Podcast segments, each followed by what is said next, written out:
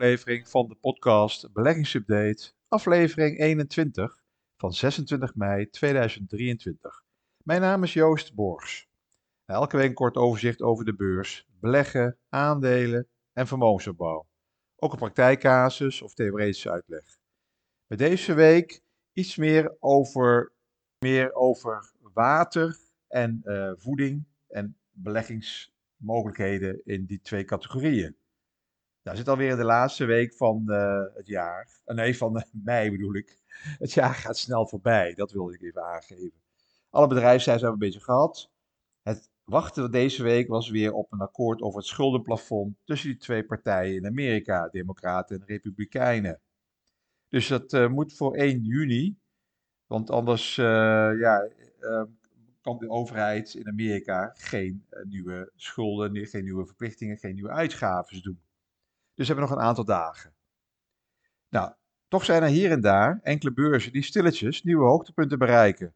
Bijvoorbeeld de Franse CAC 40, daar heb ik het vier weken geleden al over gehad. Maar ook de Japanse beurs, de Nikkei. De Japanse inkoopmanagersindex is deze maand volgens voorlopige cijfers gestegen van zo'n 53 naar 55 punten. Wat wijst op aantrekkende economische groei. Alles boven de 50 is een aantrekkende economische groei, maar in Japan gaat het nog iets beter. Zowel de diensten als de productiesector trok verder aan. De aandelenstijging, de rally in de afgelopen weken, heeft de Nikkei-index naar het hoogste niveau in meer dan 30 jaar gestuurd. Er zijn eigenlijk verschillende redenen waarom Japanse aandelen trek zijn. Zo is de waardering internationaal van Japanse aandelen historisch wat laag, maar nu is het toch wat nog lager dan voorheen.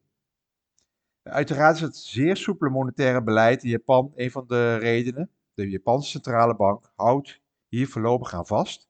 Ondanks de hoge inflatie gaan ze niet zoals in Amerika en Europa de rente excessief verhogen. Maar het is bovenal de hernieuwde focus op goed ondernemingsbestuur, hervormingen die zijn ingezet door inmiddels overleden oud-premier Abe. Die aanpassingen beginnen nu hun vruchten af te werpen. Centraal staan ook aandeelhouderswaarde en het rendement dat gegenereerd wordt voor aandeelhouders.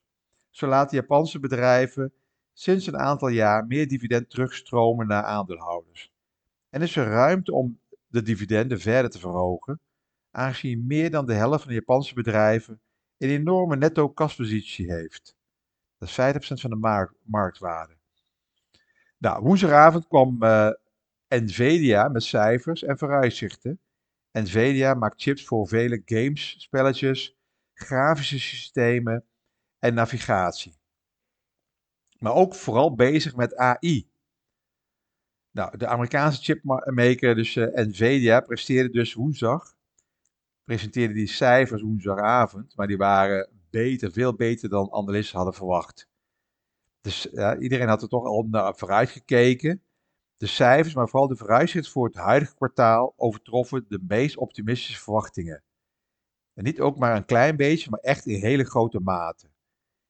Na beurshandel werd het aandeel, dat dit jaar al meer dan 120% is gestegen, hè, na beurs spoot het aandeel zo tussen de 20 en 25% omhoog.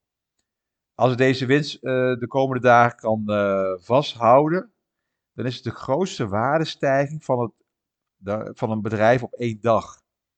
Daarmee zal de waardering van het bedrijf, want je praat over één dag waardestijging van zo'n 200 miljard dollar.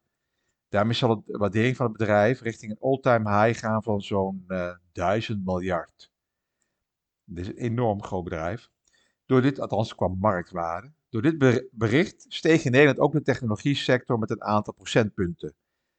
Uh, ASML, BC, ASMI's gingen allemaal omhoog. Ook Adyen herstelde. Maar ja, banken en verzekeraars deden het minder. Dat zie je elke keer. Hè. Dan gaat de technologie sector hard omhoog. En dan blijven die banken en verzekeraars blijven dan wat achter. Maar ook angst en onzekerheid over die richting van de uh, rente. Ja, nou in Europa dan. Hè. De Duitse economie, ook economisch nieuws. De Duitse economie is in een recessie beland. Nu het tweede kwartaal eigenlijk het tweede kwartaal achter elkaar de groei negatief is. Export van Duitse goederen daalde fors en daarnaast gaven consumenten veel minder uit. Ja, Duitsland is wel afhankelijk van de export en vooral van zwaar, hè, van eh, voornamelijk industriële goederen. Machines, auto's. En bijvoorbeeld naar Rusland eh, worden bijna geen auto's en machines meer geleverd. Dus voor Duitsland is dat eh, extra pijnlijk. Maar ja, ook de consumenten gaven minder uit in Duitsland. Oké, naast de hype, de thema-hype van eh, AI, hè, Artificial Intelligence, eh, de chat-dingetjes, maar ook cybersecurity, zijn voeding- en waterthema's eh, eigenlijk wel die de komende jaren steeds belangrijker zullen worden. Hè? Voeding en water. Eh, voeding zal een van de grootste thema's voor de komende decennia worden. Van bevolkingsgroei tot aan voedingsproductie, innovatie en duurzaamheid. Het nieuws dat eh, Oekraïne graan kan blijven exporteren vanuit de havens aan de Zwarte Zee werd vorige maand weer opgelucht ontvangen. De graanexport was een van de vele knelpunten op het gebied van grondstoffen die aan het licht kwamen door de Russische invasie van Oekraïne in februari 2022. De druk op de wereldwijde voedseldistributie bleef echter bestaan en wordt gevoed, gevoeld in rijke en arme landen. Hier hadden wij de- in het westen hadden we ook allemaal toch wel wat eh, producten die wat schaarser werden. Maar je hebt ook chronische voedseltekorten in eh, Afrika of in India. Je hebt eh, de koffieprijzen die stijgen. Maar bijvoorbeeld nu heb je ook de pastaprijzen in Italië die stijgen. En, daar, en in Spanje zijn de, de prijs van olijfolie die plotseling weer voorstijgen. Ja, je hebt elke keer dus, eh, elke crisis vooral eh één gepaard gaat met prijspieken, lokt speculatie en opportunisme uit. Dat brengt een, gro- een groot eh, risico met zich mee, vooral op het gebied van duurzaamheid. Hè? Dat men dat dan weer even links laat liggen om zo snel mogelijk weer te kunnen produceren, om die prijsexplosie de kop in te kunnen drukken. Maar er zijn ook kansen. Hè? Nu toch wel steeds meer mensen op een duurzame manier eh, op zoek gaat naar duurzame voeding en duurzame manier van voedsel produceren. Er zijn tal van manieren om te beleggen in de voedselvoorzieningsindustrie. Landbouwgrondstoffen zoals graan en tar worden vaak over het hoofd gezien door beleggers die zich meer richten op olie en metalen, als we kijken naar eh, grondstoffen. Maar, maar investeren in vraag en aanbod van voedsel is niets nieuws. Handelaren begonnen in 1961 met het kopen en verkopen van bijvoorbeeld eh, pork belly, hè, varkensbuik, futures op de Chicago Mercantile Exchange. Maar daar worden nu ook granen, suiker, eh corn, eh, koffie, alles, alles, alles kan verhandeld worden. Dus overal is er wel handel in. Ja, basisvoedingsmiddelen zoals koffie, suiker en sinaasappelsap hebben een dagprijs die fluctueert met oorlog, oorlogen, oogsten en modegrillen. Hè, de bescheiden avocado heeft de loop der jaren ook een heropleving gekend. Er is een grote verscheidenheid aan goedkope eh, indextrekkers die direct een blootstelling bieden aan landbouwgrondstoffen. Dus je kan overal in beleggen, hè, in landbouwgrondstoffen en dat soort zaken. Maar we gaan nou even op zoek kijken naar water en eh, de duurzame productie van eh, voeding. Dus hoe zit het nou met die indirecte thematische blootstelling? De vermogensbeheersector is eh, eigenlijk wel niet zo brutaal genoeg om fondsen op de markt te brengen als manier om te profiteren van voedseltekorten en honger. Want het is ook niet zo ethisch hè, om daarop in te spelen op voedseltekorten en honger. Maar ja, voedselvoorziening is onmiskenbaar wel een thema voor de komende decennia. Het is niet zo eh, aantrekkelijk als robotica of AI. Er is helemaal geen megathema's zoals klimaatverandering of technologische innovatie, zoals die chat GTP. Maar het is wel heel belangrijk voor de toekomst van de mensheid, van waar we leven en eh, tot wat we eten. En zeker eh, de groei van de wereldbevolking. We moeten toch zorgen dat iedereen eh, genoeg voedsel tot zich kan nemen. Nou, gezondheids- en welzijntrends in de ontwikkelde landen stellen voedsel centraal, terwijl in opkomende markten bedrijven zorgen maken over arbeidstekorten in de landbouw en mensen naar steden vluchten op zoek naar een beter leven. Dus het wordt wel steeds lastiger om die voed- voedselkwaliteit, maar ook de kwantiteit op peil te houden. Dus voedselproductie en consumptie zijn bij uitstek duurzaamheidskwesties geworden. In theorie zullen de meest innovatieve bedrijven technologie kunnen gebruiken om gezonder voedsel te produceren in hogere volumes, maar met een kleinere ecologische voetafdruk. Maar er zullen compromissen moeten worden gesloten om een groeiend aantal mensen te voeden. Morningstar heeft bijvoorbeeld een nieuwe ESG-rapport, dat is het duurzaamheidsrapport over voedsel en landbouw gepubliceerd. En de conclusies zijn dat de oogstopbrengsten tegen 2050 met ongeveer 50% moeten stijgen ten opzichte van het huidige niveau om tegemoet te komen aan een groeiende wereldbevolking en veranderende eetgewoonten. Dit betekent een bredere acceptatie van genetisch gemodificeerde zaden en een groter gebruik van kunstmest. Oké, voedselproductie is verantwoordelijk voor meer dan een kwart van de wereldwijde uitstoot van broeikasgassen. De waterschaarste neemt toe, terwijl de biodiversiteit achteruit gaat doordat er meer land wordt gebruikt voor landbouw. Afrika en het Midden-Oosten, waar voedselschaarste en bevolkingsdruk het sterkst eh, voelbaar zijn, stuwen de vraag naar hogere productie. Technologie kan sommige van deze zorgen wegnemen en daar ontstaan beleggingsmogelijkheden.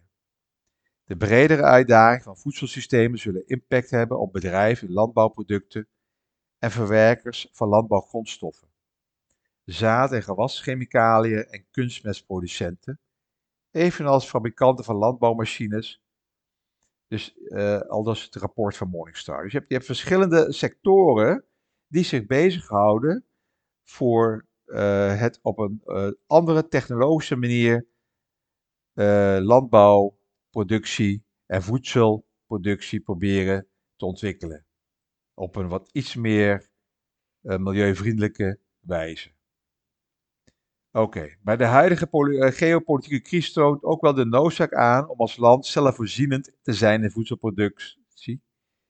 Hierdoor worden thema's die niet direct voor de hand liggen interessant, zoals die agribusiness, maar ook fondsen die inspelen op een gezonde levensstijl.